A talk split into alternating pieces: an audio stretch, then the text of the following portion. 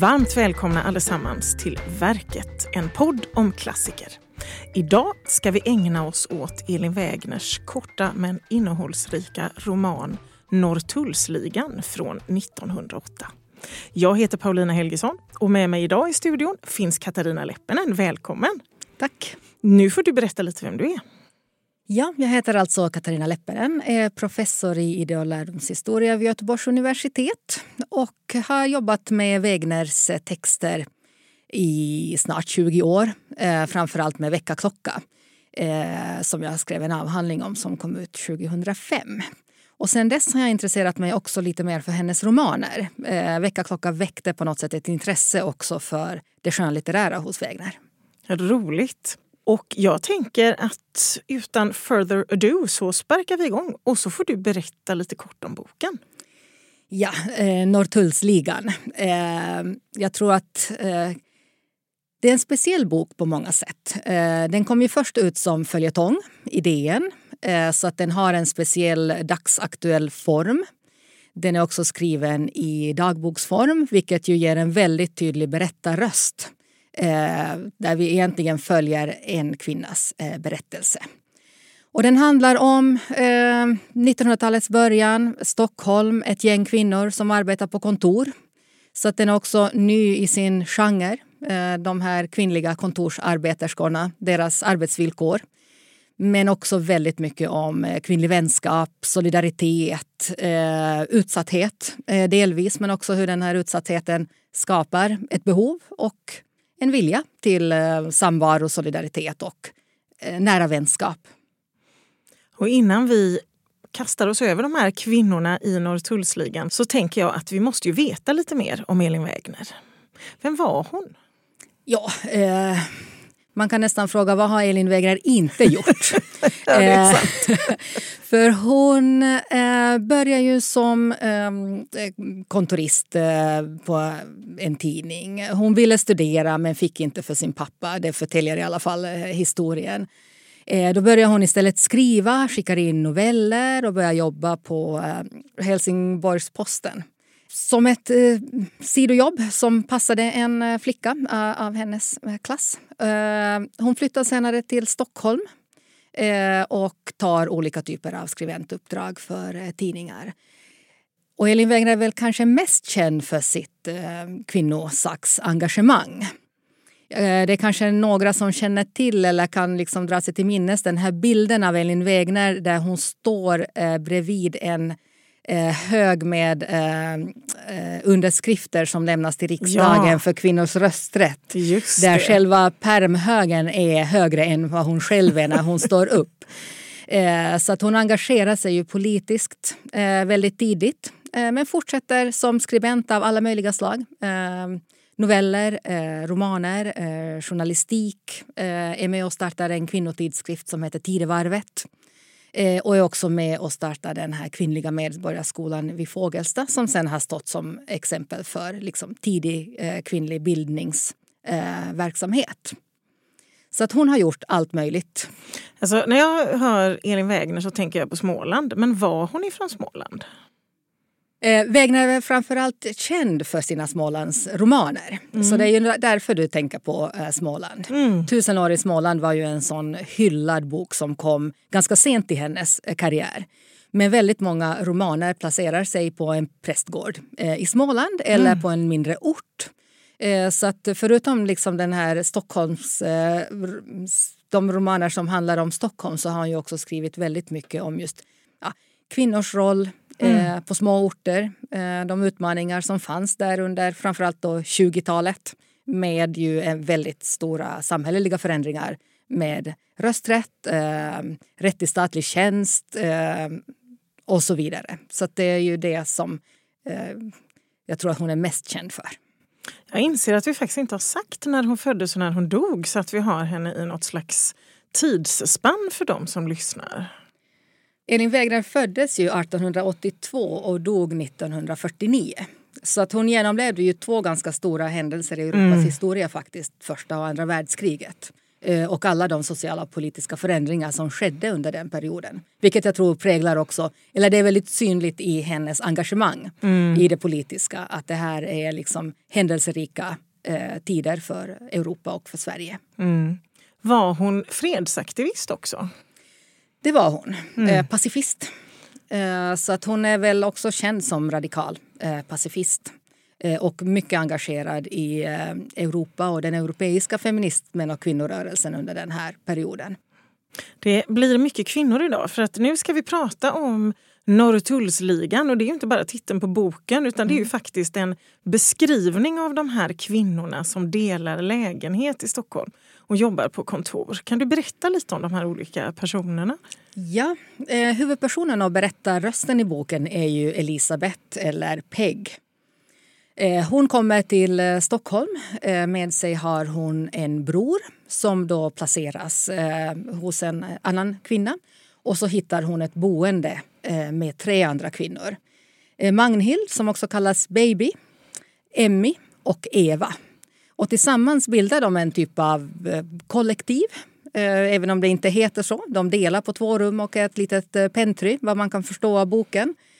Och där skapar de sig ett vardagsliv som väldigt mycket går ut på att komma sig till jobbet, komma hem, äta smörgåsar och dricka pilsner. Ja, det låter ju väldigt fluffigt men det är det ju inte och det tänker jag att vi kommer in på sedan när vi ska prata om det här med arbetsförhållanden. Ja. Men vad är, vad är de för sorts kvinnor de här? Ja, eh, Peg då, Elisabeth, eh, hon, eh, eftersom hon berättar så får hon ju också kanske en lite speciell roll. Hon berättar eh, inte så mycket om sig själv utan det får man lite grann mera utröna ur händelser som hon är med i. Men hon är väl en ganska ansvarsfull och lite äldre. Och när man då säger lite äldre om kontorskvinnor på 20 eller på 00-talet mm. så är det ju att man är över 20. Alltså det är verkligen inte äldre i den bemärkelsen men för en kontorsarbeterska så är mm. det ändå liksom en ordentligt vuxen eh, eh, kvinna. Eva eh, är den eh, som känns kanske vuxnaste eh, av dem eh, i boken. Hon har en ganska rationell syn på sin roll som kvinna i det här kontorsyrket. Eh, och det visar sig också sen att hon är den som stadgar sig mm. eh, inom sin klass och allting mm. är ordning och reda och sådär. Eh, och så har vi Emmy, den som är äldst, eh, som alldeles uppenbart har varit med om rätt mycket och farit ganska illa. Eh, hon engagerar sig inte heller riktigt i gruppen på samma sätt som de andra Eh, och dessutom har ont och visar sig sen att hon är sjuk. Hon har helt enkelt slitit ut sig mm. på kontorsjobbet. Och jag skulle gissa att hon inte är över 30. Kanske något år sådär. Men så att det är väldigt unga kvinnor mm. men ändå i det här kanske tidsspannet på tio år så täcker de in otroligt mycket olika skeden av livserfarenhet. Och det låter ju ganska fruktansvärt det här att vara utsliten när man är liksom i, i 30-årsåldern. Mm. Men visst, det var en annan tid. Ja. Ehm, och det här är ju en på vissa sätt kontorsroman och när man säger det så ser man ju framför sig någonting, om vi återanvänder ordet fluffigt, någonting mm. väldigt fluffigt med liksom kvinna som börjar jobba på kontor och träffar en sympatisk chef. Men det här är ju väldigt långt ifrån det scenariot. Hur ser de här kvinnornas arbetsvillkor ut? Hur är kontorslivet? Det är ju underbetalt eh, mm. för det första. Eh, och man är väldigt mycket på sin chefs eh, nåder. Och det är också uppenbart i romanen att det finns två typer av kontorsarbetande mm. kvinnor. Det är de som bor hemma och har det mm. gott ställt och som har fått jobbet kanske genom familjekontakter. Eh, och som egentligen använder sina pengar, jag tror det är de pratar om handskar och choklad. eh, det är liksom fickpengar mm. eh, för flickor eller mm. unga kvinnor. Och sen har vi de här kvinnorna som då de kallas ju ligan, mm. Hör till. Och det är de som faktiskt måste överleva mm. på sina pengar. Eh, och i eh, Pegs fall också eh, sörjer åtminstone delvis för sin bror. Mm. Så att det gäller verkligen att slita ihop pengarna varje månad för att klara sig. Och det här framkommer ju också i romanen att vid en strejk Mm. så visar det sig att den, den, solidariteten bland kvinnor inte sträcker sig över klassgränserna egentligen. Nej, och den sträcker ju sig egentligen inte alltid inom klassgränserna Nej. heller. För många av dem är ju så rädda för att bli av med arbetet. Mm. Alltså, vad fanns det för alternativ för en kvinna som inte hade något arbete i Stockholm 1908? Ja, jag tror att det framträder ett par gånger redan mm. eh, i romanen även om det inte är explicit uttryckt. Eh, det är ju det, eh, till exempel prostitution mm. Är ju en sån. Eh, att även de här kvinnorna som uppenbarligen är på väg till eller från jobbet eh, får ju blickar och blir antastade, speciellt om mm. de rör sig runt stan på kvällen. Och sen är det klart att det finns ju en hel del pigjobb och annat. Men jag tänker mig att de betalar ännu sämre. Ja. Så att kontorsjobbet gav ju ändå en viss frihet.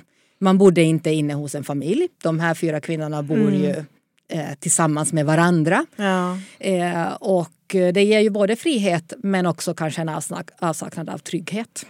Alltså hur, om man tänker generellt, hur såg villkoren för kvinnor ut 1900-tal så att säga? Ja, det var ju inget vidare. Alltså arbetsvillkor överhuvudtaget mm. Eh, är ju inte alls någonting som vi kan jämföra med idag med uppsägningstider och annat. man kunde nog få gå på dagen ja. eh, om man inte behagade eh, chefen. Eh, och och eh, minimilön finns ju inte. Det är alldeles uppenbart att eh, de kan få väldigt olika betalt eh, på olika ställen. Mm. Eh, och det här är också en period eh, när tidigare var ju kontorsarbete eh, ett manligt jobb. Mm. Så att de här kvinnorna konkurrerar ju med lägre löner ut männen. Så det finns också på kontoren en slags schism mm. mellan män och kvinnor eh, kring de här jobben. För när kvinnorna kommer och tar över och är lägre betalda så mm. konkurrerar de ut män. Mm. Eh, och någon statlig eh, tjänst kan ju inte kvinnor ha ännu under den här perioden. Det kommer ju först på 20-talet. Så det är ja. vissa jobb. Så det här är ju små kontor mm. eh, som de jobbar på. Och det här, den här romanen utspelar ju sig och kommer ut då ganska långt innan kvinnorna ens får rösträtt. Mm. Vilket ju är lite nästan svårt att tänka sig. På många sätt så känns romanen modern. Men jag tänker vi håller på det lite. Mm. Eller modern och modern, men det finns något slags väldigt modernt och eh, för sin tid otidsenligt anslag på mm. något vis. Men när jag läser Norrtullsligan så får jag liksom en känsla av att kvinnorna både hatar och älskar sitt arbete. Eller jag älskar kanske är för mycket sagt, men att det är en väldigt dubbelt förhållningssätt. Det representerar frihet på ett visst sätt och det representerar också någon slags slaveri. Kan det vara så, eller är det jag som inbillar mig här? Nej, jag tror nog att det är så och jag tror att det har mycket med arbetsvillkoren att göra. Eh, friheten kommer ju med den egna ekonomin, möjligheten mm. att få egna pengar och göra vad man vill med dem. Mm. Så länge man inte är gift. Ja. eh, samtidigt så är det ju kanske man är liksom under någon man. Antingen så är det chefen eh, som är den som dikterar villkoren för mm. ens liv. Eh, och, eller så är det maken som gör mm. det. Och det är ju där stridigheten väldigt mycket i romanen, eller det det kommer att handla om. Mm. Det är, vad väljer man av de här två? Eh, och håller man ut på arbetsmarknaden? Alltså mm. finns det någon möjlighet att verkligen leva och överleva där i mm. längden? Ja, och det här med pengarna, apropå att överleva är ju ganska det är ju liksom ett genomgående tema i romanen, det här med att pengarna inte räcker till. Man får liksom skrapa kistbotten när man ska göra någonting. Och de kan ju egentligen inte leva på sin lön. Alltså de behöver göra massa övertid för att egentligen få så att de klarar sig till mat och hyra. Och liksom. Det är inte så mycket lyx i deras liv. Nej, lyxen är väl just den här friheten. Mm. Eh, att man inte bor hemma eh, varken hos en make eller hos sin ursprungliga familj utan mm. att man mm. kan göra någonting annat. Men du har helt rätt i att det är ju knapert hela tiden. Eh, och den som har pengar får handla eh, ja. åt de andra och det gör man. Eh, mm. men det blir ju just ingenting över. Eh, från, liksom, från månadens lön. Eh, och det finns ju några sådana ställen i romanen mm. där det är fotogenet är slut eller brödet är slut. Eh, och en, det skiner också genom att det finns ganska liten eh, samhällelig förståelse för de här mm. kvinnornas situation. Eh, att man mera tänker på kontorsarbeterskor som de som eh, använder pengarna till choklad. Man förstår inte ja. att för vissa kvinnor är detta det enda levebrödet man har. Det är inte bara fickpengar utan man måste klara sig på det. Mm. Fanns det måste jag fråga, någon form av socialt skyddsnät vid den här tiden för den här sortens kvinnor som inte hade försörjning genom att de var familjeflickor eller att de var gifta? Nej, det tror jag inte. Det finns Nej. väl någon slags fattighus. Ja. Men där vill det, man ju inte Nej, där vill hamna. man ju inte vara. Nej. Nej, och det, alltså på något vis, det, det är hårresande att tänka sig det här att det var så för drygt hundra år sedan. Ja. Inget skyddsnät och eh, att arbetet, det underbetalda arbetet var så att säga en, en tunn linje, mm. en tunn gränslinje mot prostitution eller regelrätt nöd. Ja. ja. Och så är det ju för de här kvinnorna varje mm. månad. Mm. Eh, att pengarna är slut mot slutet av månaden inför nästa ja. eh, avlöning. Så att det, är ju in, det finns ju inga marginaler. Eh, och de pratar om bland annat att de har små illegala lotterier. Ja. De syr något eh, och så ja. säljer de lotter, eh, vad jag förstår i alla fall, på sin arbetsplats. Mm. Och på det sättet skramlar de ihop lite extra pengar till sina mm. egna julklappar. Vilka roller kan man säga att männen i romanen har? Vad finns det för sorts män? Det här är en roman som så att kretsar mm. väldigt mycket kring de här kvinnorna och deras liv. Men eh, vilken plats har männen? Eh, en ganska undanskymd och mm. ganska stereotyp. Mm. Eh, eller stereotypa eh, roller. Det finns ju då de här tafsiga cheferna. Ja. Eh, det finns någon rik farbror som kan liksom mm. ge lite pengar vid behov men som då inte Peg vill egentligen be naturligtvis om att Nej. få pengar eh, från. Eh, sen finns det de lite tråkiga potentiella äkta eh, männen mm. Eh, som då Eva hittar. Mm. men alla de här männen verkar ju ha någonting att säga till om hela mm. tiden i de här kvinnornas liv. Så att de är liksom styrande på ett sätt. Och samtidigt åtråvärda i och med att de öppnar dörrar, mm. gör det möjligt att ha ett annat liv. Jag skulle gissa att de tjänar mycket mer även om de har ja. samma typ av arbete. Eh, så att männen är ganska stereotypa eh, faktiskt. De är inte särskilt, för att uttrycka det mycket milt, kärleksfullt skildrade heller. Nej. Nej. Det är de ganska sällan hos eh, Elin Wägner, faktiskt. Generellt. Ja. Eh, så är det ju kvinnorna i väldigt många romaner mm. som står i fokus. Eh, och då får männen faktiskt spela biroller. Mm. Eh, när jag läste om boken nu inför vårt samtal idag ja. så tänkte jag faktiskt på både Sex and the City ja. och, oh. på, och på Girls. För det är ja. den här typen av mm. Eh, kvinnlig solidaritet och vänskap eh, som ganska långt mm. faktiskt, där männen blir bifigurer ja. för de kvinnliga huvudrollsinnehavarna. Sen tänkte jag att eh, eh ingen populärkulturell fenomen idag eh, skildrar ju några som inte har pengar. Nästan allt mm. handlar om eh, lyxliv på något sätt. Ja. Eh, även i Girls så kan man ju se att det finns ju pengar hos mm. familjer och annat även om de kanske inte har så mycket pengar själv. Så att, eh, det är lite spännande. Ja. Vilken värld lever vi i idag? För ja. Wägners roman är ju ändå väldigt mycket en eh, skildring, tror jag, av många kvinnors vardagsliv och verklighet. Ja, och jag tror att det, alltså det är ju helt rätt. För att även om förhållandena på vissa sätt är extrema som de inte är idag. Det här med att det inte finns något skyddsnät och det finns ingen arbetsrätt mm. att luta sig på.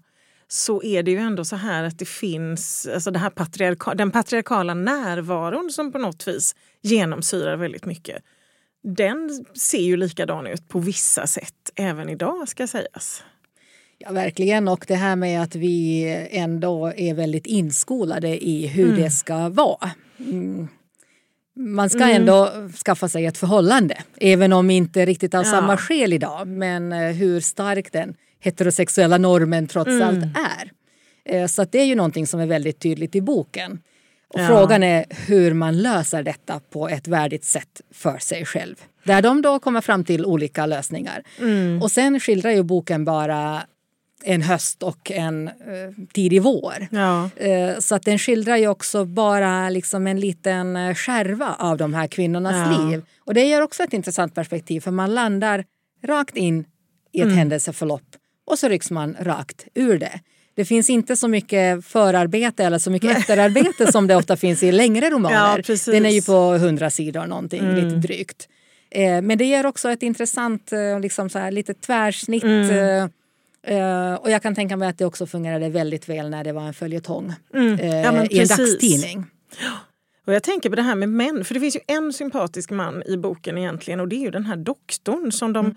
blir tvungna att ringa efter när den stackars Emmy kollapsar fullständigt till slut. Och han tar inget betalt av kontorsflickor för han vet så att säga, till skillnad från de andra männen i berättelsen och i samhället hur de här kvinnorna har det ställt. Och där kommenterar ju Peg också mm. att mm. eh, någonting med det ovanliga med att inte eh, han begär något i gengäld. Precis. Hur ovanligt det är för ja. en kvinna att få en tjänst utförd i det här, eh, då en läkarkonsultation. Ja. Eh, och han begär ingenting. Eh. Nej, han är lite av ett helgon får man, får man nästan säga ja. jämfört med de andra männen. Men det här är ju en både väldigt rolig och väldigt svart roman samtidigt. Hur, alltså, hur får Elin Wägner ihop det? på ett... Alltså, vad är hennes knep för att få oss att säga, ha roligt samtidigt som vi ser all den här svärtan och rädslan och mörkret som ändå finns för de här kvinnorna? Det är en bra fråga. Ja. Eh, men hon skriver ju alltid ganska kvickt mm. eh, med ganska mycket humor. Eh, och trots alla problem i romanen så tycker jag att det ändå finns någon slags positiv grundton. Inte så att eh, alla får sin prins. För det Nej. tror jag inte var meningen med Wägners eh, skrivande överhuvudtaget. Nej. Utan det är just det här skildrandet av en vardag som ändå är värdig. Mm. Eh, trots alla problem.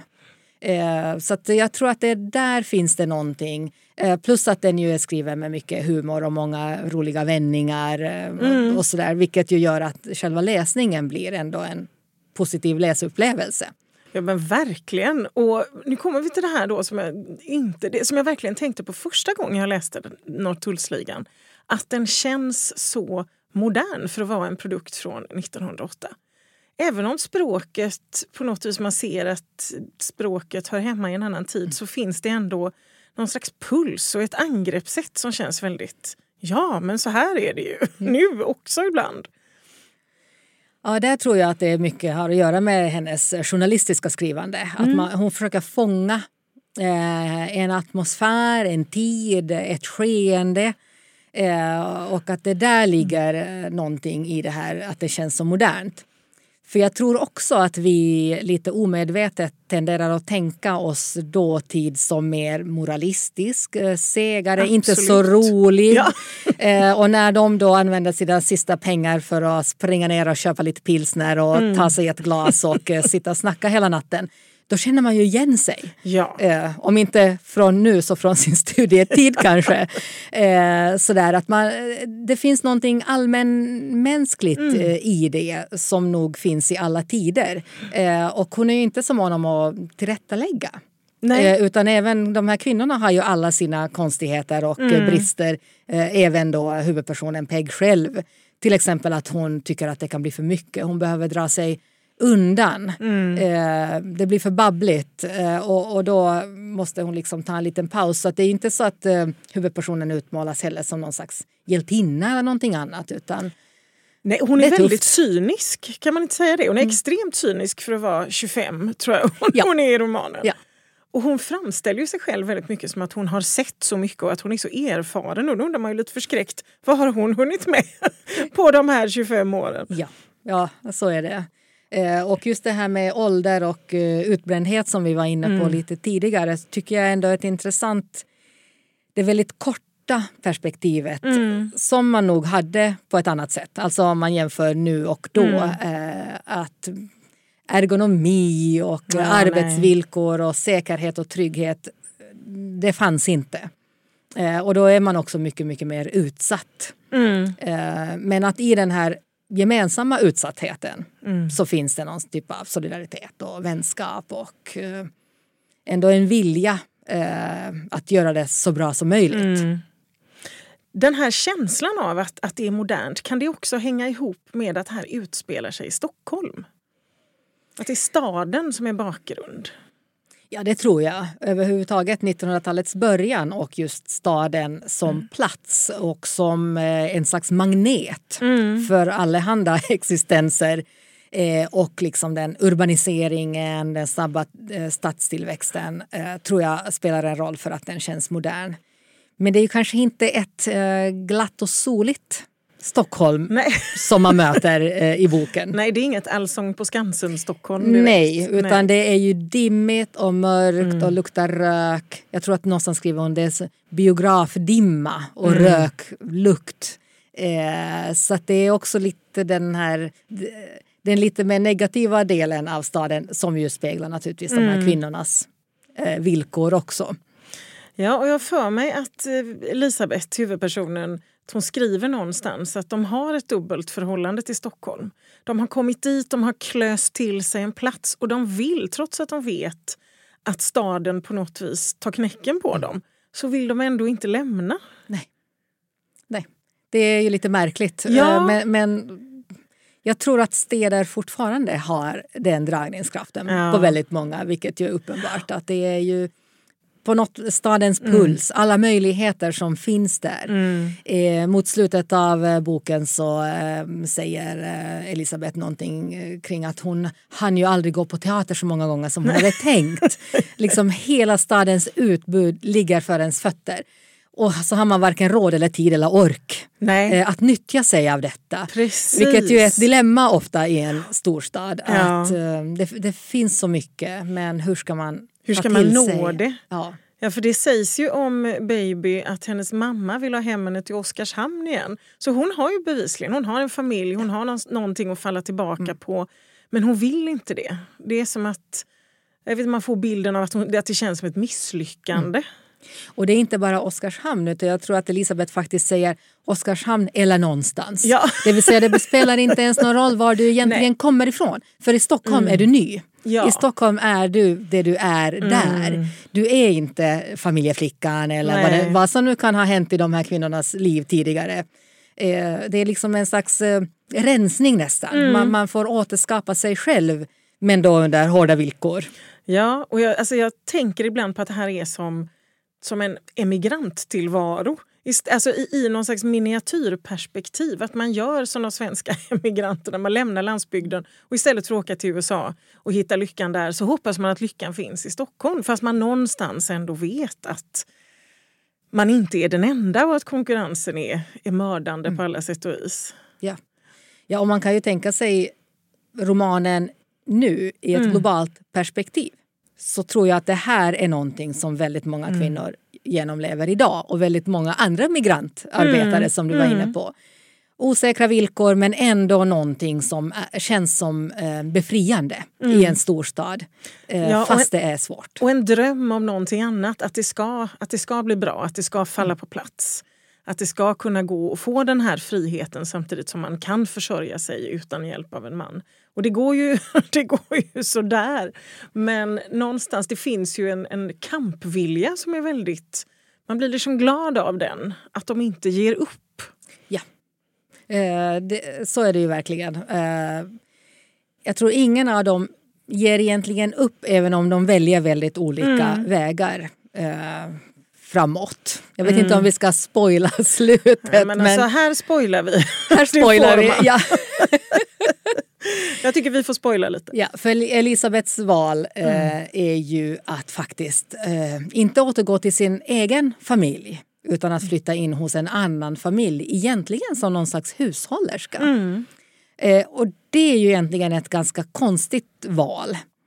Eh, fast kanske ett ganska vägnärskt mm. val. Eh, det är liksom aldrig lätta lösningar. Eh, det är aldrig Nej. så att um, prinsessan får prinsen. Eh, det är ju inte hennes grej. Utan det är liksom de här tuffa villkoren och sen någon slags kompromisslösning mm. Eh, för väldigt många kvinnor. Ja, och prinsen i den här romanens kontext det är ju Elisabeths chef som hon mot bättre vetande blir kär i trots att hon vet att han är en, en eh, värsta sortens mansgris egentligen och att han är ute efter erövringen och han har ett sånt rykte. Men som så många andra kvinnor så, så kan hon inte riktigt stå emot. Nej, och då väljer hon att sticka istället för ja. att till exempel söka ett annat jobb. Mm. Alltså, man kan ju själv tänka sig en massa alternativ. För det tror jag också är en av romanens styrkor. Mm. Att man kan känna igen sig i flera mm. av de här personerna, kniviga val som de ställs inför eh, och så drar ens egen fantasi igång. Mm. Eh, oj, varför gör hon inte så istället? Eh, varför eh, byter hon inte bara mm. arbetsplats? Varför nobbar hon inte honom bara? Mm. Eh, och fortsätter att leva i Stockholm. För att det är på ja. något sätt det som ändå är, skulle vara en vinst här. Trots att det då inte framställs som en förlust i att hon sticker mm. iväg.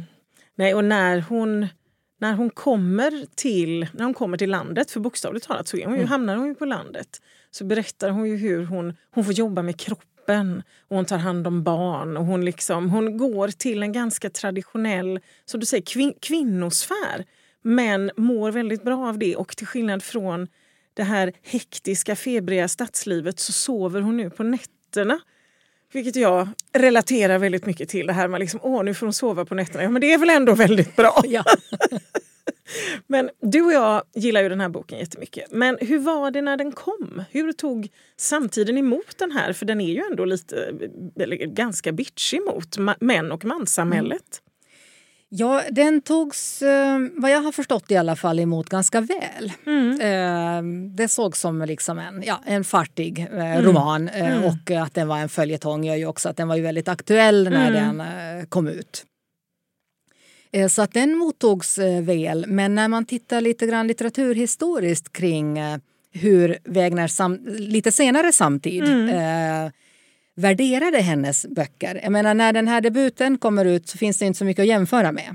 Men sen kommer ju de här tyngre, mm. mer traditionella romanerna. Mm. Eh, och då är det ju många som eh, värderar de här tendensromanerna som mycket lägre. Mm. De är mm. alldeles för politiska, de är för feministiska. Eh, de har liksom mm. en udd som då eh, man inte riktigt eh, tycker mm. om. Eh, när man då gör den här liksom lite mera litteraturhistoriska sammanfattningen mm. eller jämför tidigare och senare romaner med varandra.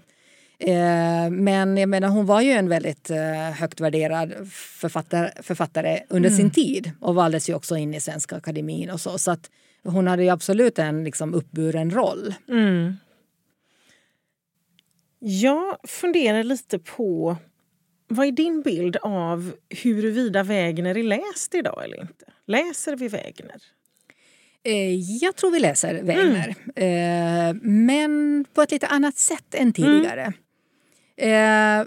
Från att ha varit en litterär mm. klassiker, mm. det är hon naturligtvis fortfarande, men jag tror att Wägners eh, viktigaste roll idag är som feministisk mm. klassiker. Mm. Eh, och det är ju också ganska tydligt tror jag i mycket ny forskning som kommer om Elin Wägner och hur hon figurerar på kurslitteraturen. Mm. Inte så mycket litteraturhistoria som genusvetenskap mm. eh, till exempel.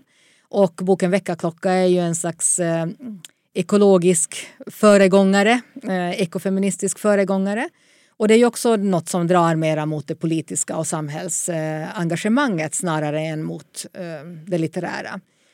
Så jag tror att det har eh, skett en skiftning i just det här mer, det mer politiska och samhällsengagerade. Mm. Du får berätta lite om väckarklocka för att nu blir vi lite nyfikna. Ja.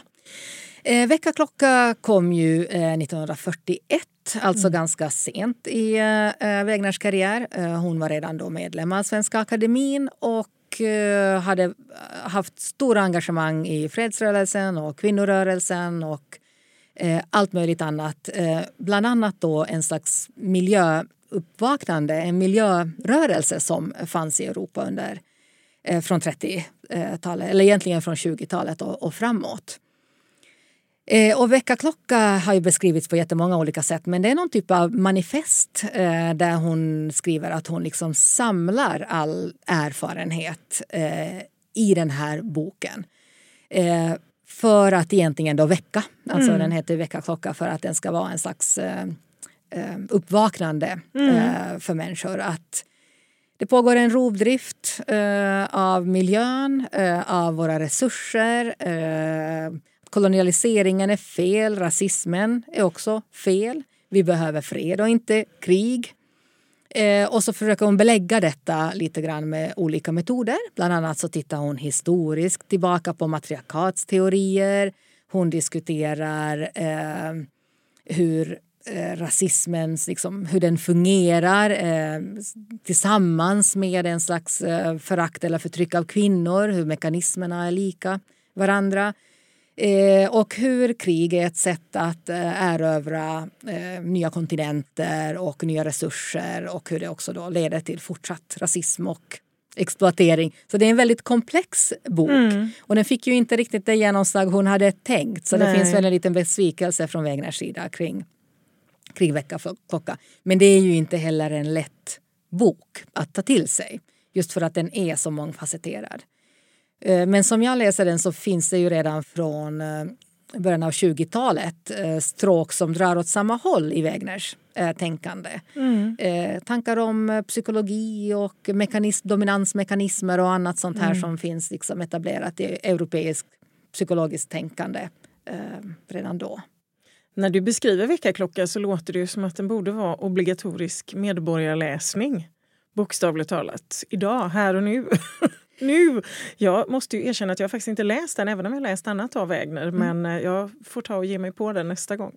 Ja, jag rekommenderar den. ja. Eh, och så får man eh, läsa lite selektivt, för mm. den är ju skriven 41. Ja. så det är ju inte en sån dagsaktuell på det sättet. Men om man jämför med mycket ekologiskt tänkande idag och framförallt ekofeministiskt tänkande mm. så är det ju verkligen en, en föregångare. Vad, vad är din privata relation till Wägner? Liksom sådär, om du tar av dig din yrkeshatt. Mm. Vad känner du för Wägner? Jag känner mig kluven. Mm. Eh, jag tycker eh, personligen att det kan vara problematiskt att alltid när svåra saker som handlar om kvinnor ska avhandlas så måste det vara med lite humor. Mm. Jag tycker att det är så genomgående i vår kultur att vi har svårt att se seriösa kvinnliga. Huvudrollsinnehavare eller huvudpersoner i, i, böcker om inte de också kan vara lite... Antingen så ska det vara superromantiskt mm. eh, om man faller in i alla stereotyper. Eller så, om det är någon som är lite stark så ska det vara med lite skoj. Mm. Eh, finns inte riktigt utrymme för allvar. Eh, sådär. Och det, det, kan irritera mig ibland. Mm. Även om det är kul att läsa ja. så kan jag bli irriterad av det. Och sen har jag intresserat mig mera för just de romaner som handlar om eh, samhällsfrågor mm. och samhällsförändring snarare än, eh, än de mera ja, litterära eh, romanerna. Och det har ju att göra med kanske att jag är idéhistoriker. Så mm. det är mm. liksom det jag söker i romanerna. Beskrivningar av eh, samhällsförändring. Den här eh, Natten mot söndag beskriver ju en kvinnas eh, försök att frigöra sig från eh, sin familj och behålla sina pengar och hur svårt det kan vara. Mm. Eh, trots att hon har all juridisk rätt så mm. finns det en samhällsstruktur som fortfarande eh, helt ignorerar en kvinnas egen vilja. Men det vi har pratat om idag, Katarina, det är ju som sagt Norrtullsligan. Och skulle du säga att den är representativ för Wägners författarskap eller är den liksom lite ett undantag tidigt i karriären? För om jag förstår det rätt så var ju det här hennes debutroman. Ja, det stämmer. Det var hennes debut och eh, efter den här så kommer ju Pennskaftet. Mm. Eh, och jag tror att de två eh, står ut lite i hennes eh, produktion eh, faktiskt. Eh, sen kommer det mera tyngre mm. romaner i mer sedvanlig romanform. Ja. och jag tror vågar mig till att säga att eh, det var nog de som också hade väldigt stor betydelse för sin samtid. Mm. För unga kvinnor. Vad jag har förstått från bland annat Margareta Ståhls eh, forskning så blev ju ligan en, en förebild för många mm. kvinnor. Så att eh, det var så man ville ha det mm. eh, på ett sätt också. Så att det, de sticker nog ut för att de mm. visar den här nya kvinnorollen så väldigt tydligt och explicit. Eh, och att de har ett så klart politiskt eh, budskap på ett sätt mm. Eh, så, som ju var lite ovanligt. Ja, och då ska perioden. vi kanske förklara vad pennskaftet är för sorts roman lite snabbt. Ja, pennskaftet handlar ju, det är, namnet refererar ju till journalisten mm. Pennskaftet. också en kortare roman. ganska lik Norrtullsligan på, på många sätt. Och det är ju en, som det brukar heta, en rösträttsroman där man avhandlar kvinnlig bristen på kvinnlig rösträtt, ja. får man väl säga, ja. som rådde i, i Sverige då. Så det är från arbetsrätten till rösträtten? Ja, precis. Var väldigt bra. Och detta var så bra så jag tänker att vi, vi får börja knyta ihop oss här nu. Eh, och vi, det har varit jätteroligt att ha dig här Katarina och prata om Norrtullsligan. Tack så jättemycket. Tack. Och för er som blir sugna på Wägner, och det är klart att ni blir efter detta, så finns det massor av Wägner hos Litteraturbanken. Och det finns också en direktlänk på anekdot.se. Och jag ska också tipsa alla er eh, som är lite extra intresserade om att gå in på vår ljud och bildsida för där finns nämligen stumfilmen Norrtullsligan med både Tora Teje och Inga Tidblad i regi av Per Lindberg. Tack till alla er som har lyssnat. Jag hoppas att ni har haft det bra med mig och Katarina när vi har pratat om Norrtullsligan. Och vi tackar för oss. Du har lyssnat på Verket, en podd om klassiker producerad av bildningsmagasinet Anekdot i samarbete med Nationalmuseum och Litteraturbanken. Alla avsnitt samt fler poddar, filmer och essäer hittar du på anekdot.se.